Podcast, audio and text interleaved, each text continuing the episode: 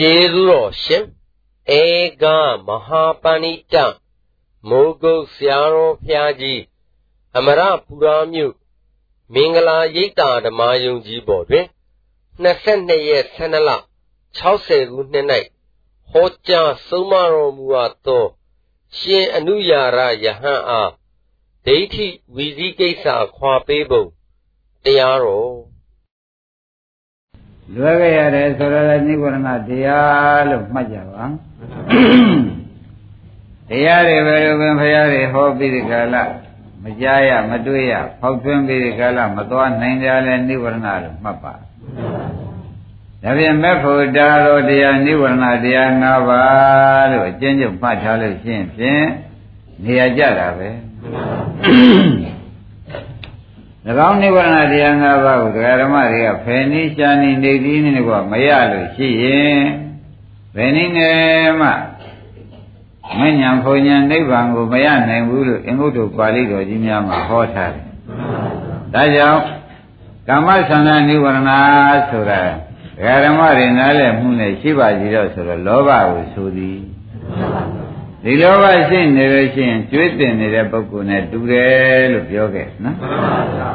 ကျွေးတင်နေတဲ့ပုဂ္ဂိုလ်ဒီကားလို့ရှိရင်ဖြင့်ဒကာဓမ္မတို့ကျွေးရှာသွားရတာနဲ့ကျွေးဆရတာနဲ့ချိန်ကုန်ပြီးဒီကာရနေသောကြောင့်မတရားဖို့တရားရောက်ကြောင်းတွေကိုကြိုးစားနိုင်ပါမလားလို့မေးလို့ရှိရင်ဖြင့်ကျွေးအရေးကြီးနေတာနဲ့ပဲအာမထုတ်လောဘအားကြီးနေတဲ့ပုဂ္ဂိုလ်များလည်းဘယ်နည်းနဲ့မှမဉ္ဇဉ်ဖုန်ညာမရနိုင်ဘူးလို့ဆိုတာပါပဲ။ ယာဘာရနိဗ္ဗာန်ဆိုတာဒကာဓမ္မတွေနားလည်မှုနဲ့ပြီးရင်ဒေါသပါပဲ။ဒေါသငယ်ငယ်ဖြစ်စေကြီးကြီးဖြစ်စေဒကာသစ်တို့ဒကာကျွဲလို့ဥလာဘူးတို့သူရှိနေလို့ရှိရင်ဖြင့်မဉ္ဇဉ်ဖုန်ညာဆိုတာဝင်ခွင့်ကိုမရအောင်ပိတ်ပင်တာပဲ။သူကတော့ယောဂရတဲ့ပုဂ္ဂိုလ်နဲ့တူတယ်လို့ဇာရတကိုဟောခဲ့ပါတယ်။ ယောဂရတဲ့ပုဂ္ဂိုလ်ဒီခြေကောင်းဝါကောင်းကိုတိုင်ကြတယ်ခါစပ်ပြီးဒီကရနေတာပဲဘယ်နည်းနဲ့မှအချိုးစားတဲ့ခါရှင်စားတဲ့ခါဖြစ်ပြီးဒီကရနေပြီးဒီခဲ့တို့ယောဂရှိတဲ့ပုဂ္ဂိုလ်မှာခြေခုခြေကောင်းဆင်းမွန်စားတော့များတော့လေခါအံပြီးဒီကရနေလို့မစားခြင်းတယ်ဒေါသရှိပြီးသမဖြင့်လေသူတော်ကောင်းလို့ကိုအမြဲတမ်းကန့်ွက်သောကြောင့်နိဝရဏတရားလို့ပဲဇာရတဟောလိုက်ပါတယ် ကောင်းပြီကသုံးတန်ပါဖြစ်တဲ့သင်္နမိတ်တရားဆိုတာသင်္နမိတ်ဘာနာကာရံလို့ဆိုသောကြောင့်အကျဉ်းဆောင်ကြနေတဲ့ပုဂ္ဂိုလ်များပြင်ပမှာနက္ခပွဲသွင်းတယ်ဘယ်လိုပင်တပြုံပြုံနဲ့တုံးတီခတ်ပြီးနေကြညာတော့လေသူနဲ့ဆိုင်ခွင့်မရပါဘူးသင်္နမိတ်ဝင်တဲ့ပုဂ္ဂိုလ်လည်းဘယ်နည်းနဲ့မှမဉ္ဇဉ်ဖုန်ဉဏ်ကိုအာထုတ်နိုင်တဲ့မဉ္ဇဉ်ဖုန်ဉဏ်ခြေစည်းပြီးတဲ့ဥပဒနာဉာဏ်တွေလာနိုင်ကြပါဒါကြောင့်သူလည်း ထောင်ကြနေတဲ့တူတူတယ်လို့အဇာရတကိုဟောခြင်းကြောင့်သိနာမိတ်ကိုလည်းမပယ်ရမဖြစ်ဘူးဆိုတဲ့တရားရဲ့အပါဝင်မဲ့ဖို့တားရတဲ့တရားရဲ့အပါဝင်လို့သေသေးချာချာမှတ်ပါနောက်လေးနာမကဥဒိစ္စကုက္ကုစ္စနိဝရဏဥဒိစ္စဆိုတာစိတ်ကိုထားရမနေပဲနဲ့ဟိုပြေးဒီပြေးနေတဲ့ဥဒိစ္စကုက္ကုစ္စဆိုတာလည်းပြီးတော့ပြီးတော့ဒုစရိုက် မပြုတ်သေးတဲ့သူ့စိတ်တွေကိုမဟုတ်တာတွေရှောက်ပြီးဒီကရတွေးပြီးဒီကရနေသောကြောင့်လည်းသူတော်ကောင်းလို့လုပ်ဖြစ်သေးရဲ့ထိုကဲ့တော့မလုပ်ဖြစ်သောကြောင့်လည်းသူ့ကိုလည်းတရားဓမ္မတွေကမှတ်ပါမညာဘုံညာဝန်းကမရအောင်တားမြစ်တဲ့ခြင်းကြောင့်ဘုရားတရားနဲ့လွယ်ရတဲ့နိဝရဏတရားလို့ပဲမှတ်ထားပါနောက်ပြင်သမမြောက်ဖြစ်တဲ့ဝိသိကိစ္စဆိုတာကတော့ ဝိသိကိစ္စကန္တာရောဝါလို့ခေါ်လိုက်ကြတယ်ဝိသိကိစ္စရှိတဲ့ပုဂ္ဂိုလ်များမှာခရီးသွားတဲ့အခါကြလို့ရှိရင်ဖြင့်တဲ့ဘယ်ပုဂ္ဂိုလ်မျိုးနဲ့တူတုံးဆိုရင်ဖြင့်လမ်းသွားတဲ့အခါကြလို့ရှိရင်ဖြင့်တော်တဲ့တောင်နဲ့သွားတဲ့အခါချွတ်ချွတ်ချွတ်ချွတ်ဆိုလို့ရှိရင်ကိုသွားမဲ့ခရီးကိုနောက်ပြန်ပြီးဆုတ်ချင်လဲဆုတ်လိုက်။အဲသွားမှကြော်မယ်ဆိုပြီးရှေ့တိုးချင်လဲတိုးလိုက်။သို့တော်သူ့အတွက်ကရှေ့တလန်တိုးလိုက် နောက်တလန်းဆုပ်လိုက်အင်းချွတ်ချွတ်ချွတ်ချွတ်ဆိုလို့ရှိရင်သေးလားတပည့်လားကြားလားရှင်လား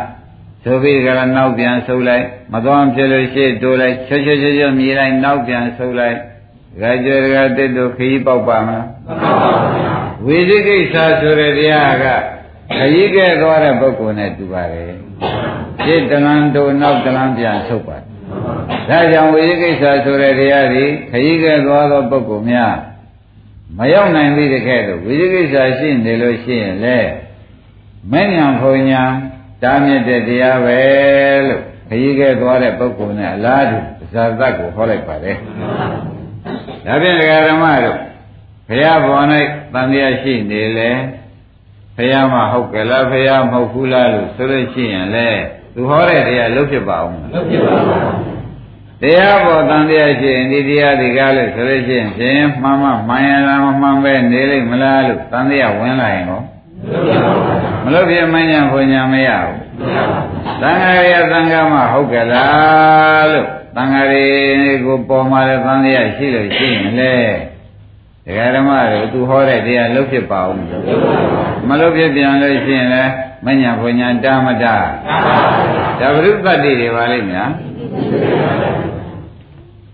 မိမိကြင့်နေတဲ့ဝိပဿနာအလုပ်ကြီးတစ်ခုရှိပါတယ်အဲဒီဝိပဿနာအလုပ်ကြီးကလောကလုံးနေရတယ်ကိုယ်တရားကဟုတ်မှဟုတ်ကြလားမဟုတ်ပဲများနေကြည့်မလားလို့ဆိုပြန်လို့ရှိရင်လေကြင့်နေတဲ့တရားပေါ်တန်မြတ်ခံပြန်လေရှင်းတလန်တို့လိုက်အထုတ်ကြည့်လိုက်ငါဟုတ်သေးမထမဘူးဆိုရဆဲထားလိုက်ဒီလိုတရားပေါ်ရင်ကျင့်နေတဲ့အကျင့်ပေါ်မှာလည်းသံတရားရှိလို့ရှိရင်လည်းဝိသိကိစ္စ မဉ္ဇဉ်ဘုံညာတားတာပဲလို့မှတ်ပါပရိစ္ဆေသမုပ္ပါရှေ့အကြောင်းကိုနားမလည်လို့ရှိရင်လေအဝိဇ္ဇာသင်္ခါရကလာခဲ့တယ်ဆိုတဲ့အကြောင်းကိုနားမလည်လို့ရှိရင်လေငါဘက်ကလာပါလိမ့်မလဲဆိုတော့မနေ့ကပြောခဲ့တဲ့သက္ကာဒိဋ္ဌိနဲ့ဝိသိကိစ္စတွေမလာဘူးယခုငါငါဘာဖြစ်နေပါလိမ့်မလဲလို့ကိုယခုဖြစ်စေပေါ်မှာသံဃာရှိပြန်လဲတရားထုတ်လို့ အနာကငါဘာဖြစ်ဥမှာပဲလို့သံဃာရှိနေရင်ဟောပရိစ္ဆသမုပ္ပါကြီးကိုမကြေမမောနားမလဲပဲနဲ့ဝိပဿနာအလုပ်ကြိုးစားနေပြန်လို့ရှိရင်လေတဲ့တရားဓမ္မတို့ဘယ်နည်းနဲ့မှမဖို့နိဗ္ဗာန်မရနိုင်ဘူးဝိသိကိစ္စဝင်ပြန်တာပဲတဲ့အဲ့ဒါပရိစ္ဆေသမုပ္ပါလည်းရှင်းရှင်းလင်းလင်းရှိအောင်နာကြရအောင်နော်အဲ့ဒါအဘိဓမ္မာနည်းနဲ့တော့ယုံပါခြင်း၈ပါးလို့မှတ်လိုက်ပါ အဲ့တော့ဓမ္မတို့ဒီယုံပါခြင်းလွန်မြောက်ဖို့ရပရိစ္ဆေသမုပ္ပါဒကာသစ်တို့ဒကာကျွဲတို့ဥလဘူးတို့အလွန်ရေးကြည့်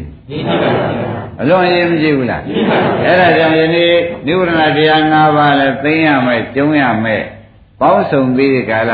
တတ်ရမယ်နေ့မို့တဲ့ပရိစ္ဆေသမုပ္ပါကိုအကျေတွဲမယ်ပြရလိမ့်မယ်ဆိုတာဒကာဓမ္မတွေမှတ်ထားပါနောက်ဘဝကခန္ဓာ၅ပါးရှိ အဲ့ဒီခန္ဓာ၅ပါးထဲမှာကိုယ်ခန္ဓာဘာမှမသိတဲ့အဝိဇ္ဇာကြောင့်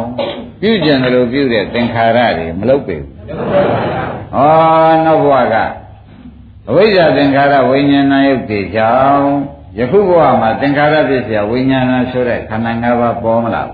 ။အင်းတရားဓမ္မတို့နောက်ဘဝခန္ဓာ၅ပါးပေါ်၌ဘာမှမသိခဲ့တဲ့အဝိဇ္ဇာသင်္ခါရတွေလုပ်ခဲ့ကြ။ အဝိဇ္ဇာသင်္ခါရတွေလုပ်တော့ဒီဘဝမှာဝိညာဏယုတ်သလနာဖတ်တဝေဒနာဆိုတဲ့ခန္ဓာ၅ပါးကြီးပေါ်လာမပေါ်လာဘူးအဲ့ဒီခန္ဓာ၅ပါးပေါ်မှာဘာမှမသိပြန်ဘူးဒုက္ခသစ္စာသမုဒယသစ္စာនិရောဓသစ္စာတွေရှိနေတာတွေလောက်ရမယ်လို့ဒီမလုပ်ဖဲနဲ့ဒီခန္ဓာ၅ပါးကိုပုဂ္ဂိုလ်လေးရောတ attva လေးရောလို့ဒီလိုရှိပြီးဒီကရမသိအောင်နေပြန်တော့လေဒီခန္ဓာ၅ပါးကပေါက်ပွားလာတဲ့အဝိဇ္ဇာ ပြစ္ဆုတ်ပံခန္ဓာငရဲမှာပေါက်ပွားလာတဲ့အဝိဇ္ဇာကမလာဘူးဝါလာပြန်လို့ရှိရင်ဝိဇ္ဇာပြစ္ဆာသင်္ခါရကပြစ္ဆုတ်ပံခန္ဓာကဒကာဓမ္မတွေတဲ့မပေါ်ပေဘူးပေါ်ပြန်တော့လေအနာကဖြစ်တဲ့ဝိညာဏယုတ်သလနာဖသဝေဒနာဆိုတာခန္ဓာ၅ပါးတွေမပေါ်ပေဘူး။ဩပေါ်မှာပဲတဲ့အနာခန္ဓာ၅ပါးလည်းပေါ်မှာပေါ်လို့ရှိရင်လားခန္ဓာ၅ပါးမသိပြန်ဘူးဆိုလို့ရှိရင်လားဝိဇ္ဇာနဲ့သင်္ခါရလုံးမလို့ ဒါဖြင့်အဝိဇ္ဇာလုံးပြန်လို့ရှိရင်သင်္ခါရလောက်ရှိမှာပဲမလောက်ပဲဘူးသင်္ခါရနှစ်ခုဖြစ်တော့အင်းဒါဖြင့်ဒီလိုပြောကြအောင်လို့ဒကာဓမ္မတို့အတိတ်ဘဝကဝိဇ္ဇာသင်္ခါရကြောင့်ပြစ္ဆုတ်ပံခန္ဓာပေါ်လာပြစ္ဆုတ်ပံခန္ဓာပေါ်မှာတန်လျာရှိတာနဲ့အဝိဇ္ဇာသင်္ခါရတွေပြန်ပေါက်သွားတယ် ပြစ္ဆုတ်ပံခန္ဓာကဝိဇ္ဇာသင်္ခါရပေါက်ပွားတာနဲ့အနာဂတ်ဘဝမှာခန္ဓာ၅ပါးဝိညာဏရဲ့ပလနာဖတ်တာဝိညာဉ်တွေမလာဘူးမှန်ပါဗျာအဲ့ဒီအနာဂတ်ခန္ဓာ၅ပါးမှာလည်းသစ္စာတွေမသိတန်တရားတွေရှိပြန်တယ်နဲ့ဘာတွေပေါက်ပွားမယ်ထင်ကြတယ်ဒါဖြင့်ဓမ္မတို့ဝိဇ္ဇာသင်္ခါရခန္ဓာဒီခန္ဓာမရှင်းမလင်းမြန်တော့အဝိဇ္ဇာသင်္ခါရနောက်ခန္ဓာမလာဘူးအဲ့ဒီလာတဲ့ခန္ဓာမ ရှင်းလင်းမြန်တော့လည်းဘာလာအောင်ပဲထင်ကြတယ်အဝိဇ္ဇာသင်္ခါရလို့ပြန်တော့နောက်ခန္ဓာ၅ပါးပေါ်ပြီဘူးဂိုင်းဒါဖြင့်ဒကာဓမ္မတို့ကျွတ်တွလဲနေတာအဝိဇ္ဇာသင်္ခါရခန္ဓာတခါခန္ဓာနာမလည်းပြန်လာနဲ့အဝိဇ္ဇာသင်္ခါရနောက်ဒုတိယခန္ဓာမလာဘူးအဒုတိယခန္ဓာကို ဘာမှနားမလဲဘူးကျင့်လည်းမကျင့်သံဃာလည်းမရှင်းတဲ့အတွက်ဘာတွေပေါ်လာမှထင်ကြတယ်ဝိဇ္ဇာသင်္ခါရရှိလို့ရှိရင်သင်္ခါရပစ္စယဝိညာဏဆိုတဲ့ခန္ဓာ၅ပါးကြီးဟာ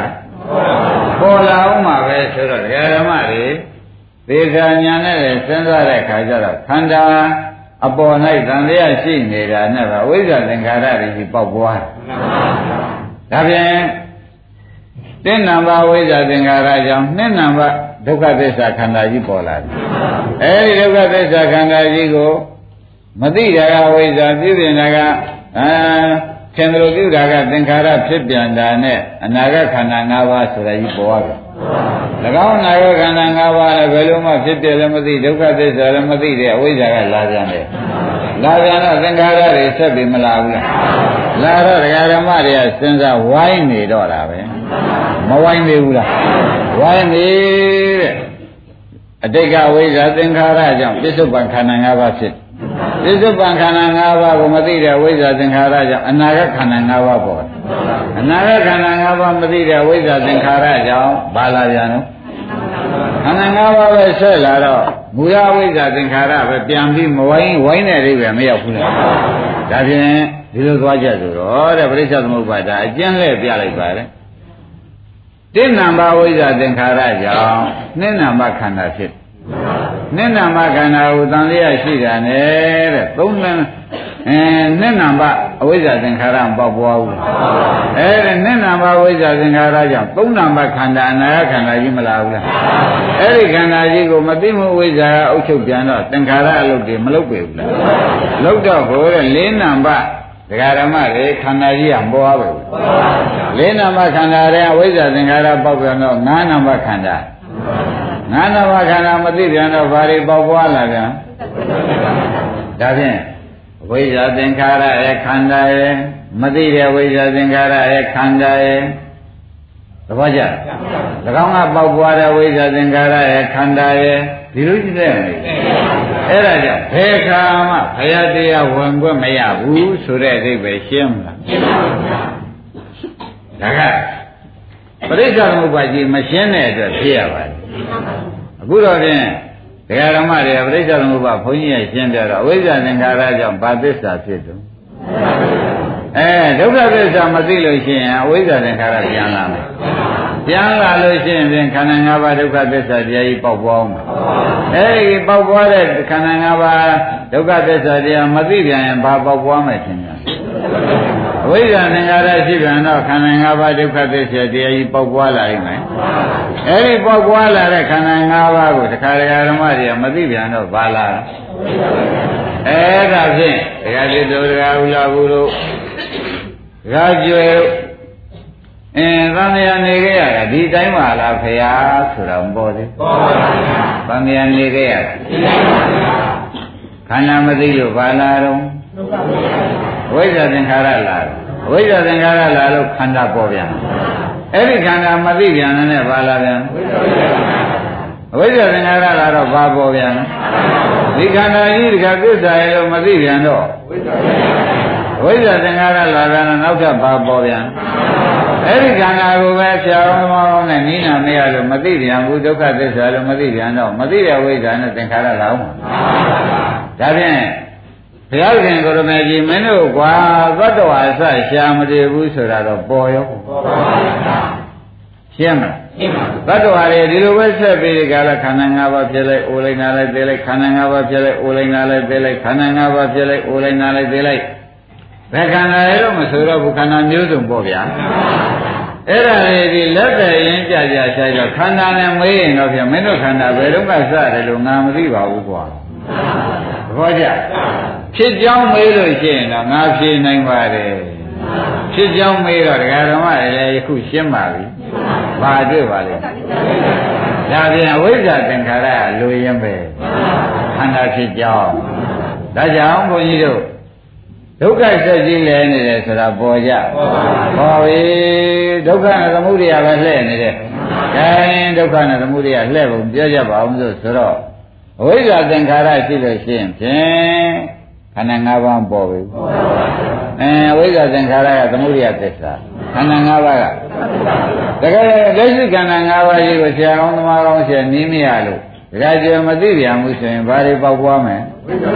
ဟောဝိဇ္ဇာသင်္ခါရဆိုတော့သမုဒိယသစ္စာပဲလာပြန်တယ်။မလာဘူးလား။သမုဒိယသစ္စာကြောင့်ခန္ဓာ၅ပါးဒုက္ခသစ္စာဖြစ်ရမဖြစ်ရ။ဖြစ်ရပါဘူး။အဲဒီဖြစ်ရတဲ့ခန္ဓာ၅ပါးဒုက္ခသစ္စာကိုမသိပြန်ဘူးဆိုတော့ဘာလာပြန်လဲ။ဒါပြန်အဝိဇ္ဇာသင်္ခါရလာတော့ကို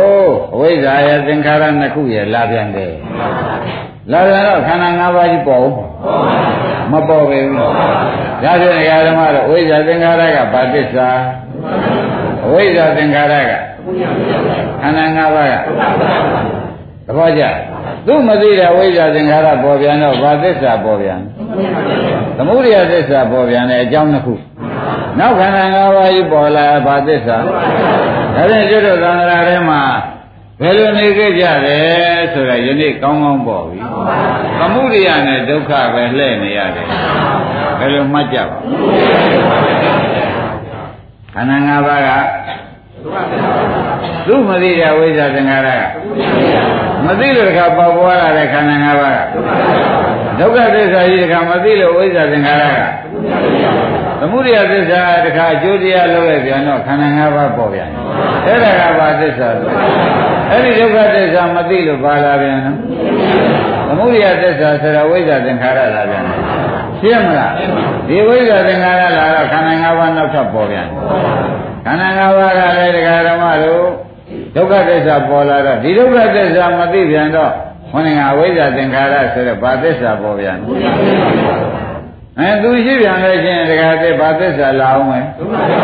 အဲ့ဒီဒုက္ခသစ္စာမသိပြန်ဘူးဆိုတော့ဘာသစ္စာလာအောင်အဲ့ဒီသမုဒိယသစ္စာလာရင်အကြောင်းသစ္စာဖြစ်သောကြောင့်ကျိုးပါသစ္စာလာရမှာ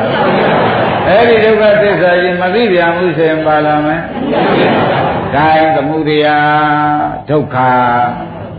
ဒီကသမုဒိယဒီကဒုက္ခဒီကသမုဒိယဒီကဒုက္ခဒီကသမုဒိယဒီကဒုက္ခဩတပည့်တွေသံဃာထဲမှာ လူမင်းနာမင်းမြမမင်းနဲ့များဖြစ်ခဲ့လေသလားလို့ဘုရားဘုရားမေမေတကားကျဲကမေမေဘယ်လိုမှမဖြေနိုင်ဘူးသမုဒိယနဲ့ဒုက္ခလှဲ့နေတယ်ခေ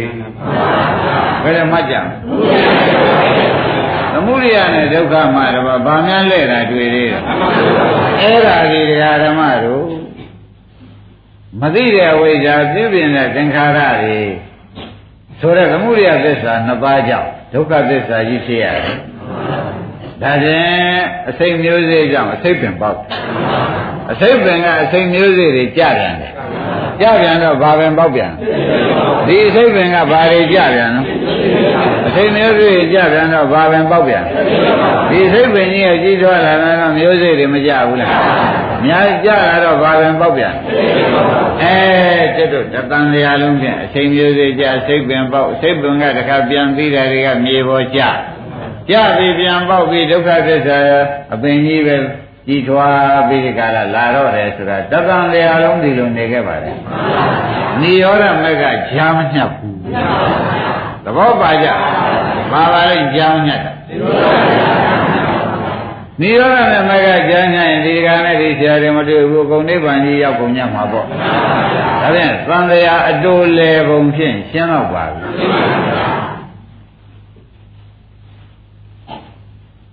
ဒုက္ခသစ္စာဆိုတဲ့ဥစ္စာဒီတရားဓမ္မတို့ဘာရဏလက္ခဏာဒုက္ခသစ္စာတန်တာပရံပုတ္တိပစ္စုပ္ပန္နစေယံရရချားသောမနာမယပပ္ပထွေကျင်လီခြင်းနဲ့သဘောရှိဒုက္ခသစ္စာကြီးစေယံရလို့လဲနေတာသမုဒယကဒုက္ခဖြစ်လိုက်ဒုက္ခကသမုဒယတွေပြန်ပေါက်ပွားလိုက် ဒီလိုကြီးပဲလဲမနေဘူးလားအဲဘယ်သစ္စာကြားမညတ်တယ်ဆိုတာပေါ်ပြီဘယ်လိုပါလိမ့်မယ်နိရောဓနဲ့မက်ကကြားမညတ်ပါဒကာဓမ္မတို့ဘယ်လိုကြားမညတ်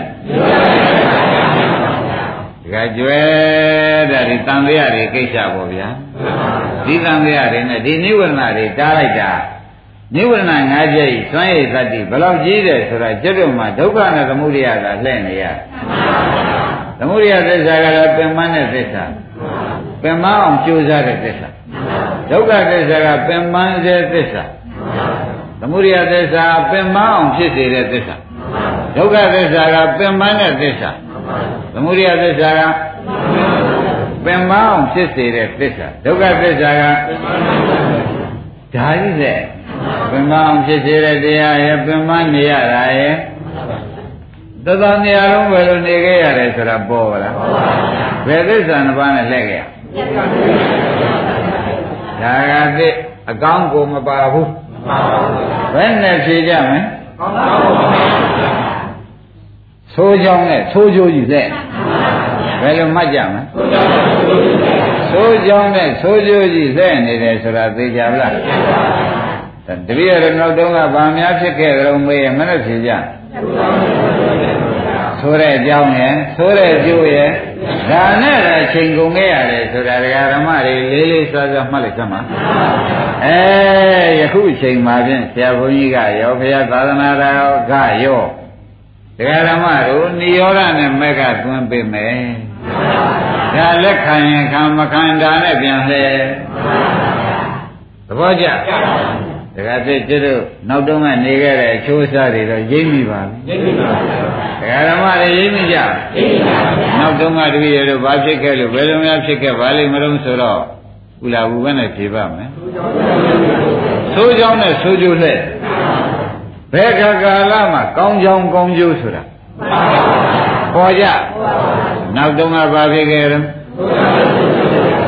ဘာများမပါခဲ့တော့ ကောင်းကြောင်းနဲ့ကောင်းကျိုးဆိုတဲ့မဂ္ဂင်နှစ်ပါးမပါဘူးဆိုးကြောင်းနဲ့ဆိုးကျိုးဆိုတဲ့မဂ္ဂင်နှစ်ပါးနဲ့လက်သဘောပါကကျွဲဒီဥစ္စာနားရှိလို့ကြားရအမှန်ဘုံရှိကံရှိတဲ့ပုဂ္ဂိုလ်တွေမို့ကြားရတဲ့စကားကိုမှတ်သမ်းပါ။သမင်းမြပြောလို့ရှိရင်မင်းတို့နောက်တုန်းကလည်းကွာစကြယ်လေးမှလည်းဖြစ်ခဲ့ဖုံဖုံပေါ့လို့ပြောတော့ခင်ဗျားတို့ကတဏှာနဲ့လမ်းသာရလေဦးမယ်။အခုတော့သာရစရာအကွက်ရှိမရှိပါဘူး။အင်း ဘာကြောင့်လဲဘာကျိုးဆက်ခဲ့ကြ။ဆိုတဲ့အကြောင်းကဝိဇ္ဇသင်္ခါရ။ဆိုကျိုးကခန္ဓာ၅ပါး။ဒီခန္ဓာ၅ပါးပေါက်ပွားလာတာကဘာလို့သမုဒိယသစ္စာဆိုတော့ဆိုးချောင်းပေါက်ပွားဆိုးချောင်းပေါက်ပွားပြန်တော့ဘာတွေများပေါက်အပင်ပေါက်လာဆိုးကျိုးကဘာတွေသိပွင့်လာပြန်လိမ့်ဆိုးချောင်းမျိုးစေ့တွေဝိဇ္ဇာသင်္ခါရတွေမလာဘူးလားအဲဒီဝိဇ္ဇာသင်္ခါရတွေကြောင့်ဆိုးကျိုးခန္ဓာကြီးကော ကဲဒါဖြင့်ဒကာဓမ္မတို့သံဃာအတူနဲ့ပြလိုက်တာဖြင့်ပရိစ္ဆေသမုပ္ပါချုံလိုက်တော့ဒါပဲရှိပရိစ္ဆေသမုပ္ပါချုံလိုက်တော့ဒါပဲရှိတော့ဩတို့ဒီကားလို့ဆိုလို့ရှိရင်ဖြင့်ဘယ်ခါကာလမှာချမ်းသာခွင့်ဆိုတာနောက်တုန်းကမပါခဲ့ပါလားသေစရာအကြောင်းရဲ့သေတာရဲ့ဒါလက်သေစရာအကြောင်းကအဝိဇ္ဇာသင်္ခါရသေတာကခန္ဓာ၅ပါး ရှင်းမလားသေစရာအကြောင်းကသေတာကအဲနောက်တစ်ခါဒါသေစကာလပေါ်လာတာကသေချောင်းနောက်တစ်ခါအာပင်ပေါက်လာတဲ့ကသေကျိုးပဲဒီတိုင်းမဲ့တကတည်းလှဲ့နေတာဒီပြမာများလှဲ့ရှိတယ်ကဲဒါဖြင့်ဘာသစ္စာနှစ်ပါးလှဲ့နေကြပါလဲ ယောဒီသစ္စာနှစ်ပါးကသမုဒိယသစ္စာကလည်းပယ်ရမှာဒုက္ခသစ္စာကလည်းခြေကံထားခဲ့ရမှာပယ်ရမယ်တရားနဲ့ခြေကံထားခဲ့ရမယ်တရားနှစ်ခုကိုကျွတ်တို့ကိုကျွတ်တို့ဤပစ္စည်းဖြစ်ပြီးလှဲ့နေရဘလောက်များနာတယ်ဆိုတာမပေါ်သေးဘူးလား။ဒါရင်ဒကာဓမ္မတို့ကိုဖြစ်ဆိုးကြီးတော့ပြင်ယနေ့လောလောကြီးပေါ်လာပါပြီ။ဘာပေါ်လာပါလဲ။ ဘာတွေလဲတော့ဆိုးကြောင်းနဲ့ဆိုးကြိုးကြီးလဲပါတယ်။ဘယ်လိုဆုံးခဲ့တာ။ဆိုးကြောင်းနဲ့ဆိုးကြိုးကြီးလဲနေတယ်ဆိုတာညင်းပြန်များလို့သေးလား။ဆိုးကြောင်းဆိုးကြိုးနောက်တစ်ခါလာပြန်တော့လေဆိုးကြောင်းဒါပဲရှိ။ဒါဖြင့်မသာဖြစ်ကြောင်းရဲ့မသာတယ်ရဲ့လက်ဘာလဲလက်တသံတရားလုံးကျတော့ဘာနဲ့နေရမ သာဖြစ်ကြောင်းနဲ့မသာတယ်ဖြစ်ပြီးလက်နေရတယ်ဆိုတော့ဘောစကားကကြံတယ်မှန်လိုက်တာလွန်လို့စကားကမကြံဘူးလားကြမ်းနိုင်ကြံရတယ်ကိုယ်တိုင်ဖြစ်ခဲ့ရတာကိုယ်တိုင်ဖြစ်ခဲ့ရတာဖြစ်သောကြောင့်တခါတည်းဒီဥစ္စာဖြင့်တန်လျာမရှိနေဒီသစ္စာတစ်ပါးနဲ့လှည့်နေခဲ့ရရှင်းညရှင်းပါဒီနေ့တရားမှာတဲ့အလုံးကိုပဲဒကာဓမ္မတွေတူတူနဲ့တို့ဖြစ်စဉ်ဒါပဲဆိုတာပေါ်ပါ တို့ဖြစ်စဉ်ဒါပဲဆိုတာပေါ်ပါဘာတွေလဲပါလဲအင်းနည်းနည်းများကြားတဲ့ဒကာဓမ္မတို့ကောင်းကောင်းလေးများညှက်သေးလားမညှက်ပါဘူးဒကာဓမ္မတို့ဒီလောက်တောင်ဆိုးကြောင်းနဲ့ဆိုးကျိုးကြီးလဲနေရတာဘ누구ပိပင်ထားလို့ကောင်းကြောင်းနဲ့ကောင်းကျိုးမတွေ့ပါလိမ့်မလဲဆိုတော့မှနိဝရဏလက်တယ်သွားပေါ်သေးဘူးလားဟာလက်တယ်သွားတယ် ဆိုးကြောင်းနဲ့ဆိုးကျိုးကြီးပဲအမြဲတမ်းလဲနေကြရတယ်ဝိဇ္ဇာသင်္ခါရကြောင့်ခန္ဓာဖြစ်ခန္ဓာဖြစ်လို့သေသေးရကနေဒီခန္ဓာကပောက်ပွားလာပြန်တဲ့ကဝိဇ္ဇာသင်္ခါရဆိုတော့ဆိုးကြောင်းဆိုးကြောင်းနဲ့ဆိုးကျိုးကြီးလဲပြီးဒီကလာနေရကောင်းကြောင်းကိုကြားမြတ်ကောင်းကြောင်းကြားမနာတဲ့အတွက်ကောင်းကျိုးဝင်ခွင့်မရပါဘူးသဘောပါအေးဒါဖြင့်ဒီဒီခါမှကောင်းကြောင်းနဲ့ကောင်းကျိုးကိုခမည်းတော် ဒီကြားထဲကဖြတ်ပြီးမယူတော့ပါဘူးဆိုရင်ကိုလန်းကိုသွားရုံပဲဘယ်လိုဆိုကြပါကိုလန်းကိုသွားရုံပဲတရားဓမ္မတို့ဘယ်သူမှပြင်ပေးမဲ့လူရှိရှိမှမဟုတ်ပါဘူးဒါကြွလွယ်ပါ့မလားခိုင်းဒီဘဝမှာခင်ဗျားတို့ကသာဘယ်သူကချမ်းသာတယ်ဘယ်သူကဖြင့်အလတ်စားရှိတယ်ဘယ်သူကဖြင့်တော်တယ်လို့ပြောတာနေရတယ်ခန္ဓာမှာရှိနေတာကတော့အဝိဇ္ဇာသင်္ခါရဆိုတဲ့ဆိုကြောင်း ခန္ဓာကြီးဆိုတဲ့ဆိုကျူတော့ကြတရားပြန်ပြီအဲနောက်တစ်ခါဘာတွေပေါက်ပွားပြန်နော်ဆိုကြောင်းနဲ့ဆိုကျူပဲလဲမလားဘူးလားဘ누구ချမ်းသာတာပါသေးဘ누구မှမပါတော့ဩအမောင်တဲ့သွားချော်လဲအမောင်တဲ့သွားချော်လဲအမောင်တဲ့သွားချော်လဲနဲ့ဒီပဲသတ်သိမ့်နေခဲ့ရတယ်ချော်လဲပြီးသေဘဝင်ခဲ့ရတယ် ဒီပြန်ပါရှိသေးတယ်အဲ့ဒါတွေသေချာသိတော့မှဩဒီထဲမှာညာညက်ဆရာလေးကယခုအချိန်ကာကာလမှာခမည်းတော်ဘုန်းရှိကံရှိပါရမီရှိတဲ့ပုဂ္ဂိုလ်မို့ပြောမဲ့ပုဂ္ဂိုလ်လည်းရှိတဲ့အခါလာကြုံလို့ကောင်းကျိုးနဲ့ကောင်းကြောင်းနဲ့ကောင်းကျိုးလေးညာညက်ကြပါစို့ကောင်းကြောင်းနဲ့ကောင်းကျိုးညာညက်လိုက်ရလို့ရှင်းရင်ကိစ္စပြီးပါပြီ ရှင်းညရှင်းပါဒါဖြင့်ကိုယ့်ဘဝရရတော်လေသွားလို့တင်းတိမ်ကြီးမနေလိုက်စမ်းပါဘူးလုံးเสียရှိသေးတာပြီးအောင်လုပ်လိုက်စမ်းပါဆိုတာကိုသေချာတိုက်တွန်းတယ်လုံးเสียရှိတာပြီးအောင်လုပ်လိုက်စမ်းပါဆိုတော့ကောင်းကြောင်းနဲ့ကောင်းကျိုးကိုဖြင့်ကြံသေးတယ်တော့မရသေးဘူးခင်ဗျားတို့အဲ့ဒီကောင်းကြောင်းနဲ့ကောင်းကျိုးကိုကိုယ်ပိုင်ရအောင်လုပ်ပါလို့တိုက်တွန်းတယ်သဘောပါကြခိုင်းဒါဖြင့် ကောင်းကြောင်းဆိုတာကမက်ခင်ကောင်းကျိုးဆိုတာကနိဗ္ဗာန်ကောင်းပြီကောင်းကြောင်းနဲ့ကောင်းကျိုးဆိုတဲ့စာစီဒကာဓမ္မတို့ရှင်းကြပါမလားကောင်းကြောင်းကဘာပါလဲကောင်းကျိုးကဘာပါလဲအဲ့ဒါလေးဒီကြားထဲမှာသွင်းကြပါစို့ဒီကြားထဲမှာသွင်းကြပါစို့ဆိုတော့ ဒကာဓမ္မတို့ဘယ်ချိန်သွင်းရမှာတော့လို့မေးဖို့လိုမလားအဲလိုတဲ့ချိန်ကျတော့ခွန်ကြီးကဟောဒီချိန်သွင်းမှဆိုတာလေးခင်ဗျားတို့ရှင်းပေးပါနော်ဒကာဓမ္မတွေဇာတိကလာခဲ့ကြနော်အမေဘောင်းနဲ့ဇာတိဒုက္ခကလာခဲ့ကြဇာတိဒုက္ခလာတော့မေဘောင်းကပြင်မဲ့ရောက်တယ်ဆိုတနေ့ချရင်းရောမလာဘူးအဲ့ဒါဇရာဒုက္ခနဲ့နေရတာ သဘောကျဩဇာတိကလာပြီဘယ်ရောက်ပါလိမ့်ဒီဇရာကနေဆက်လက်ပြီးဒီခန္ဓာပြီးဘယ်စကားများလှမ်းမှာပါလိမ့်တော့မဲဖို့မလို့အဲ့ရဖြာကစကန်းကိုလှမ်းမယ်မရဏစကန်းကိုလှမ်းမယ်ဆိုတာသဘောပါကောင်းပြီဒါဖြင့်မရဏဗျာတိစကန်းကိုလှမ်းပြီးဗျာတိဆိုတာအဲ့ရဖြာကဒီကနေသူပဲလှမ်းမယ်လို့ခန္ဓာကိုယ်ဖြစ်စဉ်ရှိပါလိမ့်မရဏစကန်းလှမ်းမယ် လှမ်းပြီးရင်သူဇာတိပြန်လှမ်းမယ်လှမ်းပြီးရင်ဇာတိပြိပရိလှမ်းပြန်လှမ်းမယ်အဲ့ဒီတော့ယခုဘဝဟာ1 2 3 4ယခုဘဝမှာအစနဲ့အဆုံးပြပါလေသဘောကျလားယခုဘဝအစနဲ့အဆုံးပြလိုက်တဲ့ခါကျတော့ဒကာဓမ္မတွေဘယ်ချိန်ကောင်းကြောင်းနဲ့ကိုမျိုးကိုကောင်းကျိုးရှားမှာတော့ဆိုတော့ဟောဒီဇရာက ဟောဒီဗျာဒီအိယာဖြာကမရခင်လေးကိုကောင်းကြောင်းနဲ့ကောင်းကျိုးရှားဒီကြားလေးမှာရှားမှာဒီဗျာဒီရောက်မှတော့ဖြင့်ရှားလို့ရပါမရဏရောက်တော့သာလို့ပဲမရပါဘူးဒါဖြင့်ဇရာဒီဗျာဒီလို့မရောက်ခင်ကြားထဲမှာကောင်းကြောင်းနဲ့ကောင်းကျိုးရှားပါ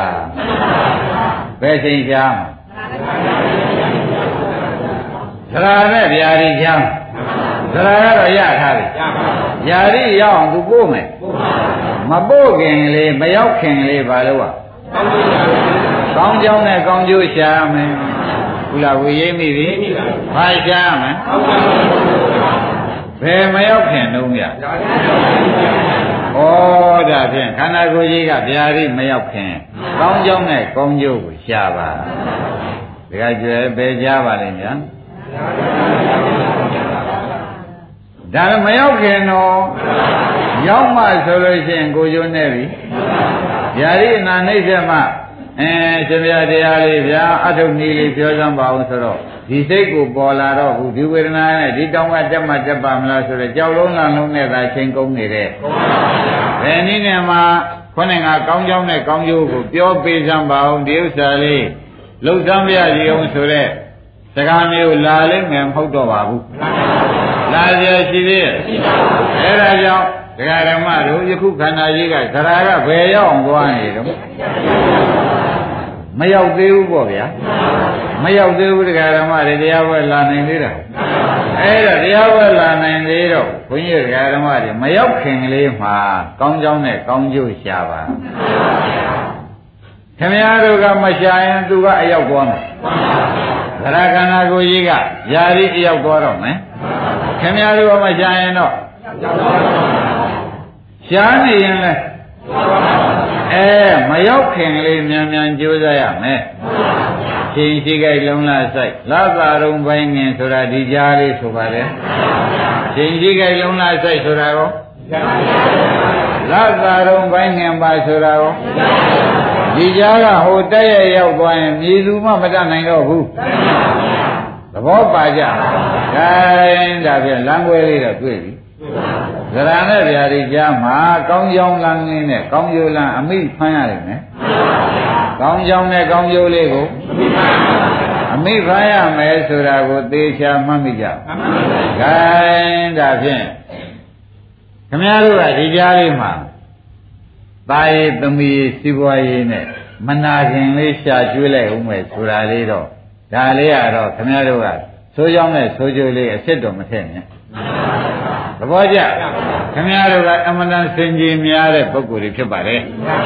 အမှန်တန်စင်ကြီးများတဲ့ပုဂ္ဂိုလ်တွေဖြစ်ပါတယ်ခန္ဓာကိုယ်ကြီးကငကုတ်ကဇရာကဗျာတိအမြဲတမ်းမှန်းပြီးခြိလန်းတော့တော့နဲ့သွားနေတာကိုဒီကြားတဲ့ကကောင်းကြောင်းနဲ့ကောင်းကျိုးမရှာဘဲနဲ့သာယသမီးစီပွားရေးကိုမနာခင်လေးကျွေးလိုက်ခြင်းသေးမွေးလိုက်ခြင်းသေးလှလိုက်ခြင်းသေးကြွားလိုက်ခြင်းသေးလေးများ ဒီကြောဝင်လာလို့ရှိရင်တော့ဖြင့်ခမည်းတော်အရင်တိုင်းပဲသိုးသိုးကြောင်းနဲ့သိုးကြိုးကြီးတဲ့သိုးကြောင်းနဲ့သိုးကြိုးကြီးပါဗျာ။ဒါရင်ဒါဖြင့်ဒကာဓမ္မတွေဒီအရေးဟာဘလောက်ကြီးတယ်ဆိုတာဒီထဲမှာဈာကိုမဝင်ပဲနဲ့ကောင်းကြောင်းနဲ့ကောင်းကျိုးရှားရင်မှသိရင်ပဲရှိမနော်။ဟုတ်လားဝေရင်းပြီ။သိပြီပါဗျာ။ ဒါစကားတက်လို့ပြောတာမဟုတ်ဘူးတရားပြကောင်းလို့ဟောတာမဟုတ်ဘူးအမှန်ကိုပြောနေတယ်ဆိုတာကိုလည်းသေသေးချာချာမှတ်ကြပါဘာတလုံးမှမပါဘူးဆိုတာတကယ်ကြွရင်းနေပါသရခန္ဓာကိုယ်ကြီးကဘယ်ရောက်ခြေလန်းကွက်နေတယ်ဆိုတာခင်ဗျားတို့သိပြီးသားပါ။ယာရိရှင်မြဲသွားတယ်။အဲမရောက်ခင်လေးတင်ပါရှာရမှာပါလေ။ကောင်းကြောင်းနဲ့ကောင်းကျိုးဆိုတဲ့မဲ့ခင်နဲ့နိဗ္ဗာန်ကိုဒီကြားမှာရှာရမယ်။ ဗျာရိနဲ့မရဏကြသွားမရှာနဲ့။မရဘူး။ဇရာဇာတိနဲ့ဇရာကြသွားမရှာနဲ့။မရဘူးတဲ့အကြောင်းနေတာနဲ့အိမ်အောင်ကြနေတာနဲ့ဒီဇာတိနဲ့ဇရာကြမှာတဲ့တာယသမီးဇီဝရေးချုပ်နေတာနဲ့ဒီနေရာလေးရှာခွင့်မရဘူးအခု ဇရာနဲ့ဗျာတိမရောက်ခင်ကလေးဇရာကတော့ဖြင့်ပြည့်စုံနေပြီမရဗျာတိကိုမရောက်ခင်ကလေးအကြမှာကောင်းကြောင်းနဲ့ကောင်းကျိုးရှာပါလို့လေးစားစွာနဲ့တိုက်တွန်းမြန်တဲ့တိုက်တွန်းတဲ့မတိုက်တွန်းတဲ့ကြာကြစဉ်းစားပါဒီရေးဟာခမည်းတော်ကဘုန်းကြီးကတွန်းတွန်းထိုးထိုးဟောနေတယ်လို့သင်္နာခမည်းတော်ခန္ဓာကိုယ်ကြီးကအပြေးသွားနေလို့ပြောရတာလားအပြေးသွားနေတာ သရဂဗျာတိကိုအဲ့ဒါဘုန်းကြီးကတွန်းတွန်းထိုးထိုးနဲ့ပြောနေပြန်တယ်တို့များခမည်းတော်တဏှာကဝင်ပြီးရှင်းနေလိုက်ပြီးစင်ကြယ်မလဲလိုက်ပါနဲ့ဟုတ်လဲလိုက်ရင်ကိုယ်အကျိုးဖြစ်အကုန်နေဖို့လို့အောင်မရမယ်ဆိုတာတော့သဘောကျလားအေးဒါကြောင့်ဒကာဓမ္မတို့နာကြီးကြီးနဲ့ထောင်ဆိုတဲ့ဥစ္စာပေါ်ပါလားပေါ်ပါဘူး။ခိုင်းတိုင်းရှင်းကြပါစို့။ သာရကဗျာတိမရောက်ခင်ကောင်းကြောင်းနဲ့ကောင်းကျိုးရှာကြစို့။သာရကဗျာတိမရောက်ခင်ကောင်းကြောင်းနဲ့ကောင်းကျိုးရှာကြစို့နော်။ကောင်းကြောင်းနဲ့ကောင်းကျိုးရှာကြစို့ဆိုတော့ဝတ္ထုလိုလေးတစ်ခုထုတ်ပြ။ဘုရားခင်ကိုရမကြီးတွေဝေသာလီပြည်မှာသတင်းသုံးနေပါတယ်ကကြွေရရှင်နုရရဆိုတဲ့ကိုတော်လေးကတောเจ้าမှာနေတယ် ေ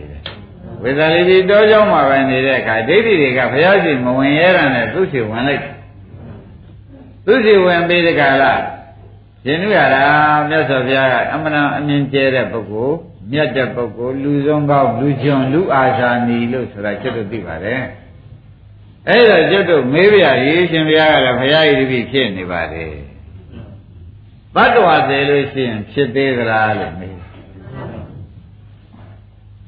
ဘတ်တော်သေးဖြစ်သေးသလားဝိသိကိစ္စတတ်မလို့ဝိသိကိစ္စတတ်မလို့ဒကာရမတွေဒီဝိသုထုတ်လာတယ်ဘတ်တော်သေးရင်ဖြစ်သေးသလားလို့မေးလိုက်နော်ရှင်အနုရာကဒီတိုင်းပဲနေတယ်ဒကာဓမ္မတို့ခொနဲ့ကလှဲ့တာပြန်ကြည့်လိုက်တတ္တဝါပါမပါဆိုးကြောင်းနဲ့ဆိုးကျိုးကြီးလှဲ့ တတ္တဝါပါသေးလားအဲဒီဒကာဓမ္မတွေကြတော့ဘုန်းကြီးကသံဃာရှင်းပြီးသားဖြစ်ဘုဂုတ်ကတော့အနုရာဂကတော့ရန္တာဖြစ်မှာတော့သေချာရဲ့သေချာပင်သေချာကြားဆိုလဲဒီလိုတရားသူတွေကနာမထားရသေးတော့သူ့မှာခက်တွေ့ဘုရားနဲ့တော့နီးလေးပေါ့ဗျာနီးပဲနင်းများတော့လဲလက္ခဏာရေးသုံးပါတော့လေကြိုးစားနေတာပဲကြိုးစားပင်ကြိုးစားများတော့လေဒီလိုရှင်းလင်းမှုတွေကလူတိုင်းမှာ အကုန်ပြည့်စုံတယ်လို့သွားမယူလိုက်ပါနဲ့ကဲဒါဖြင့်ရှင်ဥရဒကိုဒိဋ္ဌိတွေကမေးတယ်တတ္တဝါသိရင်ဖြစ်သေးသလားလို့မေးတော့ဒီဓမ္မတွေကဘယ်နဲ့ဖြေကြပါတတ္တဝါမရှိပါဘူးအကြောင်းနဲ့အကျိုးပဲလှည့်နေတယ်ဒါခင်ဗျားတို့ရှင်းတယ်တတ္တဝါသေးလို့ရှိရင်ဖြင့်မဖြစ်တော့ဘူးလားလို့မေးရင်တတ္တဝါမရှိဘူးဘာတွေရှိ ဘယ်နဲ့ဆိုကြနဲ့ဆိုကြောင်းတဲ့နေတာတတ္တဝါသေးရင်ဖြစ်စီတယ်လဲမဖြစ်စီတယ်လဲလားလို့မေးရင်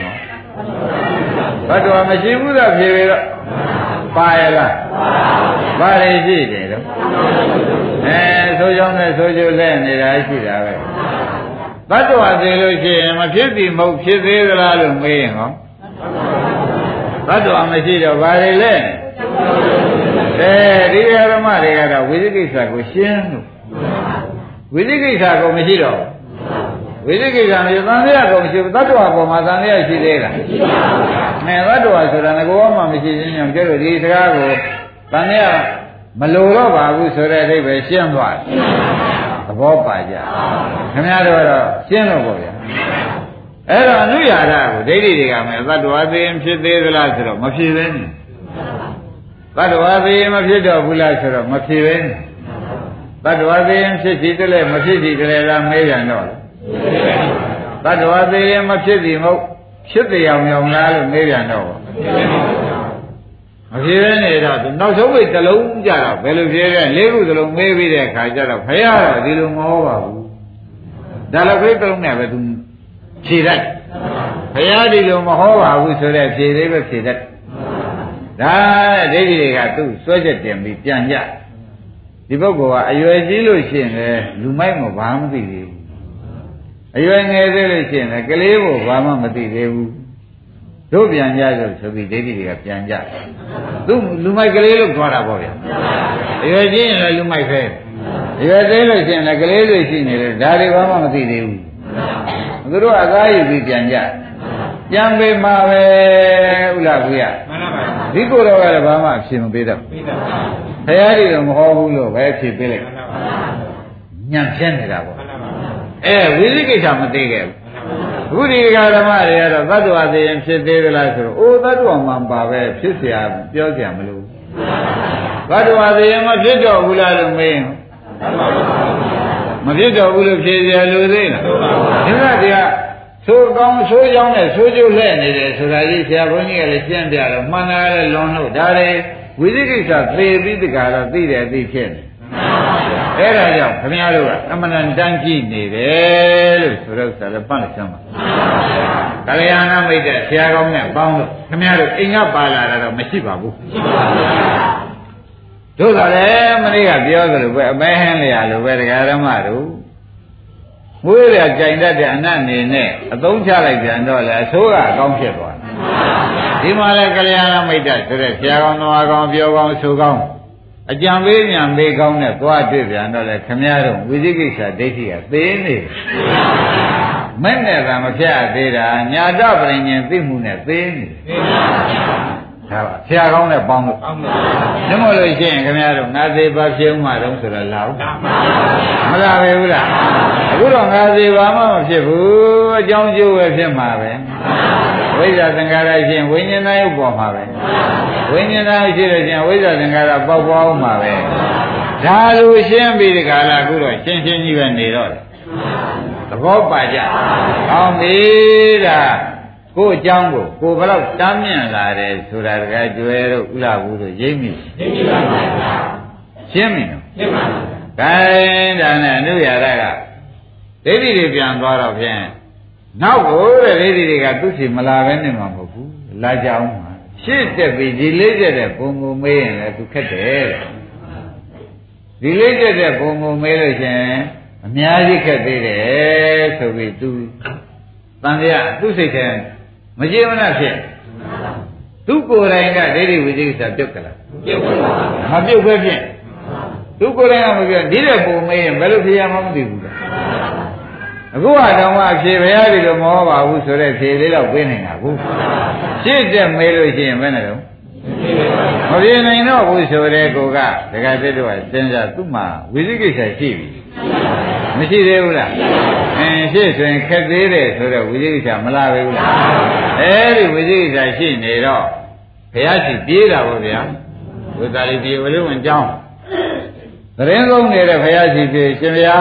တပည့်တော်ရှင်ဗျာကြောင်းနဲ့မင်းမွေတော်ကြောင်းနဲ့နေပါတယ်ဒိဋ္ဌိတွေကလာပြီးသတ္တဝါသိရင်ဖြစ်သေးသလားသတ္တဝါသေးမဖြစ်တော့ဘူးလားသတ္တဝါသေးရင်ဖြစ်စီတယ်မဖြစ်စီတယ်လားသတ္တဝါသေးရင်မဖြစ်သည်မဟုတ်ဖြစ်တရားကြောင်းလား ဒီလေးချက်မေးပါတယ်ဘုရားတပည့်တော်ကတော့ဖြင့်ဘုရားတော့ဒီလိုမဟုတ်ဘူးလို့ဖြေလိုက်ပါတယ်လို့ဆိုတော့ဘုရားကဩငါလူအနုရာဒကိုကဝိသိကိစ္စမပြုတ်ဖဲကိုသိကြသိလားငါရန်ကိုကအတော်ပြင်းနေတယ်ဆိုတဲ့အိဗယ်ပဲဒီခုခါလို့ရှင်းရှင်းပြောလို့ရှိရင်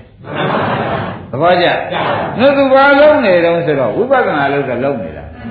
လုံးဝင်မဲ့အခုလို့ရှေ့ကရှင်းမှုမရှိတဲ့အတွက်သူ့မှာ တန်ရမခန်းနေတဲ့အတွက်ဘောဓဘာဂရာယနာယယန္တာလည်းမဖြစ်ဖက်ဖြစ်သဘောကျကောင်းပြီဒါဖြင့်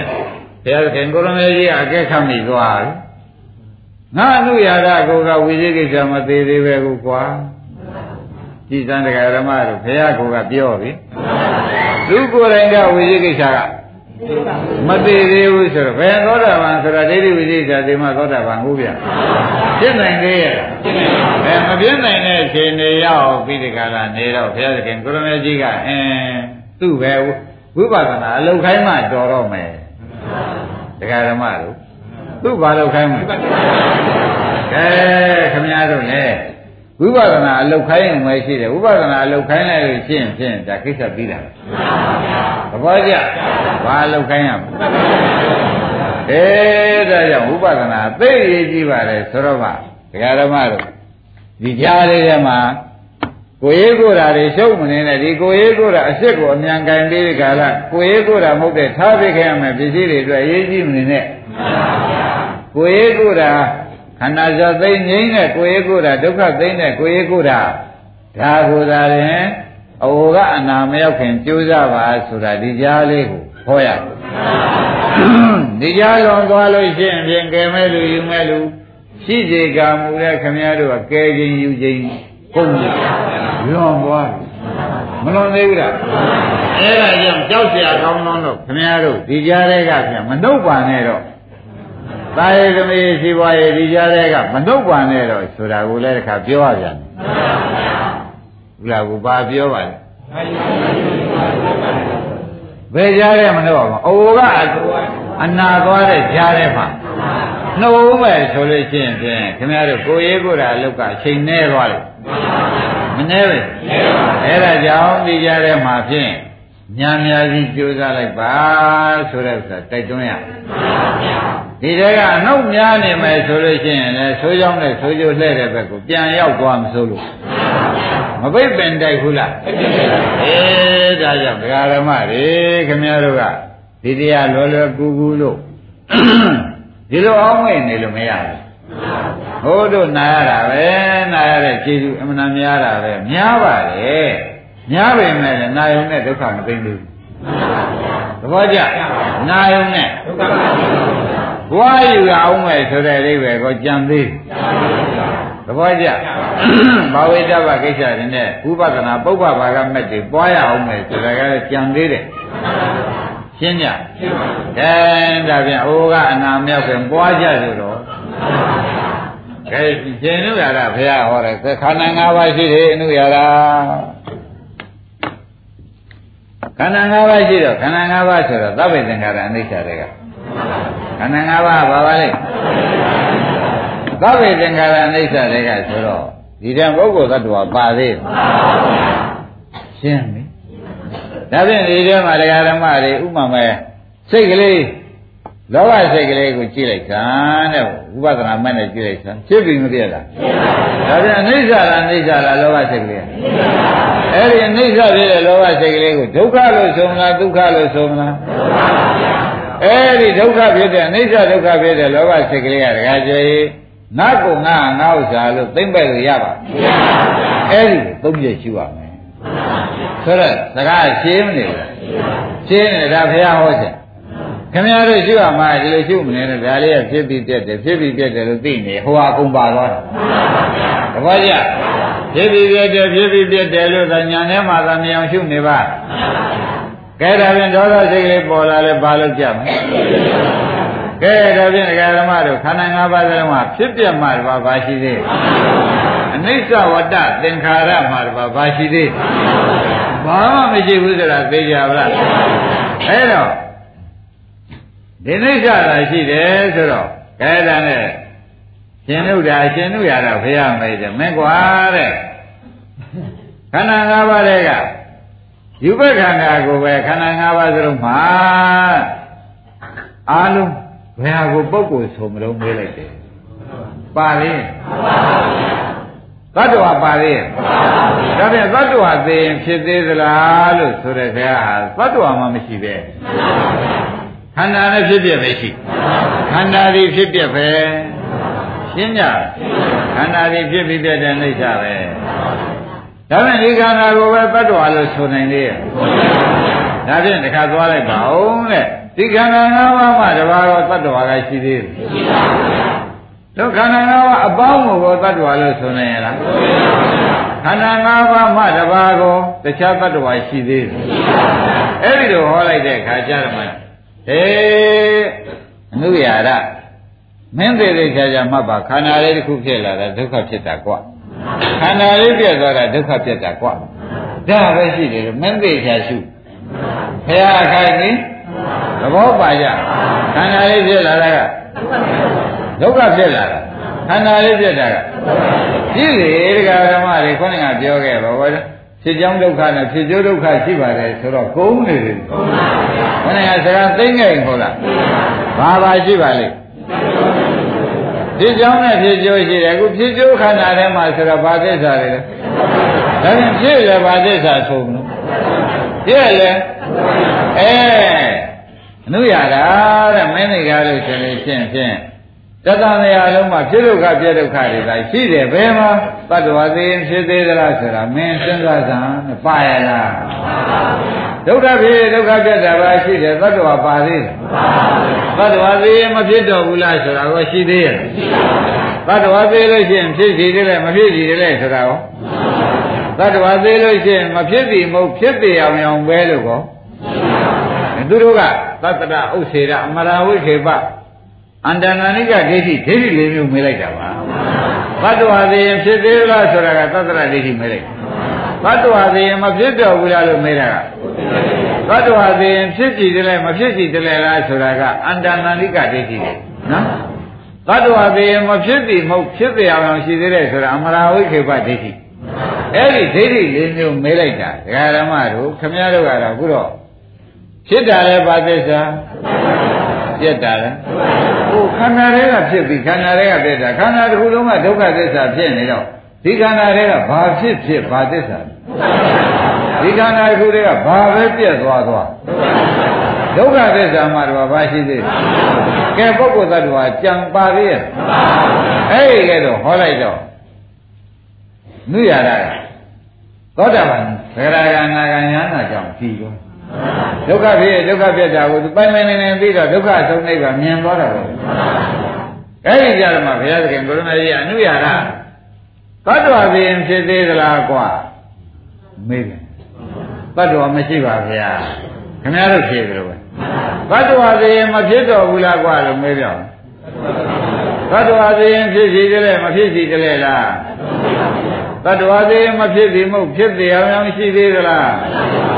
တို့ဘာပဲရှိကြုံလို့မေးရမနဲ့ဖြေကြဒုက္ခဖြစ်ဒါပဲခင်ဗျားတို့သဏ္ဍာန်ရှိခင်ဗျားတို့သဏ္ဍာန်ပါရှိပါလဲ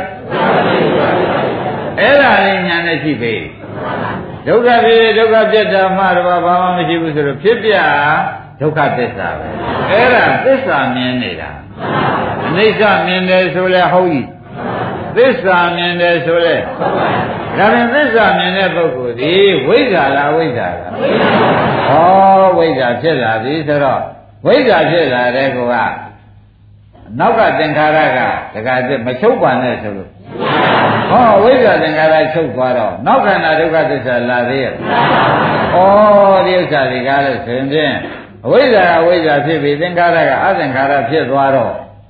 ဒါတန်တရားစကန်းတဲ့ဒုက္ခဖြစ်ကြောင်းဒုက္ခဖြစ်ကြိုးချုပ်တာပါလားဆိုတာပေါ်လာအဝိဇ္ဇာချုပ်သွားတာဒုက္ခဖြစ်ကြောင်းချုပ်သေးဘူးလားသူသင်္ခါရပါရောယူချုပ်ရတာဟုတ်ဒါပြန်ဒုက္ခဖြစ်ကြောင်းချုပ်တော့ဒုက္ခဖြစ်ကြိုးကြီးကောလာနိုင်သေးရဲ့မလာနိုင်တော့ဘူးဆိုတော့ဒါပြန်ဒုက္ခဖြစ်ကြောင်းနဲ့ဒုက္ခဖြစ်ကြိုးကိုချုပ်ရှင်လို့ရှိရင်ဖြင့်တဲ့ဒုက္ခကိုသိမှဒုက္ခမလို့ခြင်းနဲ့မဉ္ဇဏ်လာမှ တရားဓမ္မတွေတဲ့ဒုက္ခချုပ်ငိမ့်မယ်ဒုက္ခချုပ်ငိမ့်တော့တရားဓမ္မတွေသိတဲ့အတိုင်းတဲ့ဒုက္ခချုပ်ငိမ့်သွားတယ်ဆိုတော့ခန္ဓာမရှိတာဒုက္ခချုပ်ငိမ့်သွားတယ်ဆိုခန္ဓာမရှိတဲ့ခါကျတော့ဒီငကိုကြည့်နေတဲ့ဉာဏ်ဒီတရားဓမ္မတို့ခန္ဓာမရှိတာမမြင်ပေဘူးအဲခန္ဓာမရှိတာនិရောဓသစ္စာမြင်တာကဒီလိုမြင်တော့ဩ အဲတရားဓမ္မတို့ဒုက္ခဖြစ်ကြောင်းနဲ့ဒုက္ခဖြစ်ကျိုးမရှိဘူးဒုက္ခဖြစ်ကြောင်းနဲ့ဒုက္ခဖြစ်ကျိုးသာရှိတော့ဒုက္ခဖြစ်ကြောင်းကတော့ပွားများတဲ့မဂ္ဂသစ္စာပွားများလို့ရတဲ့ခန္ဓာမရှိတဲ့နိဗ္ဗာန်ကြီးမြင်ရတာကဒုက္ခဖြစ်ကျိုး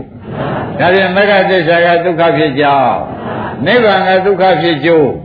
ဒီဟာပဲခင်ဗျားတို့ကိုယ်ပိုင်မရဘူးအဲဒါကြောင့်ခန္ဓာတွေကကြက်ရကိုခင်ဗျားတို့ဖြစ်ဒုက္ခပြဒုက္ခယူ ရုပ်ကြိုက်တဲ့ရုပ်ဟာဖြစ်ပြီးပြက်တာအဲဖြစ်တာလည်းဒုက္ခသစ္စာပြက်တာလည်းဒုက္ခသစ္စာပဲတော့ရှုနေပါ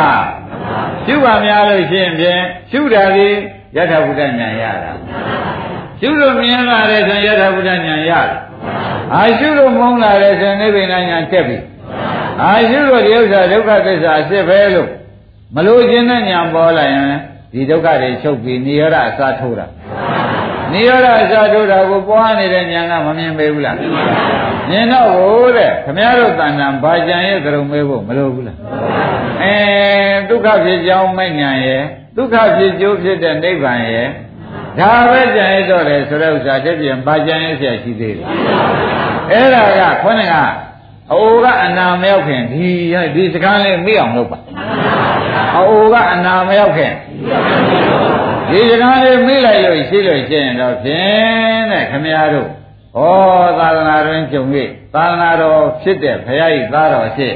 ဖြစ်ရပါတယ်ဆိုတဲ့အဓိပ္ပာယ်ရှင်းသွားတယ်သဘောကျကဲယနေ့ဒီရင်တော်ကြတယ်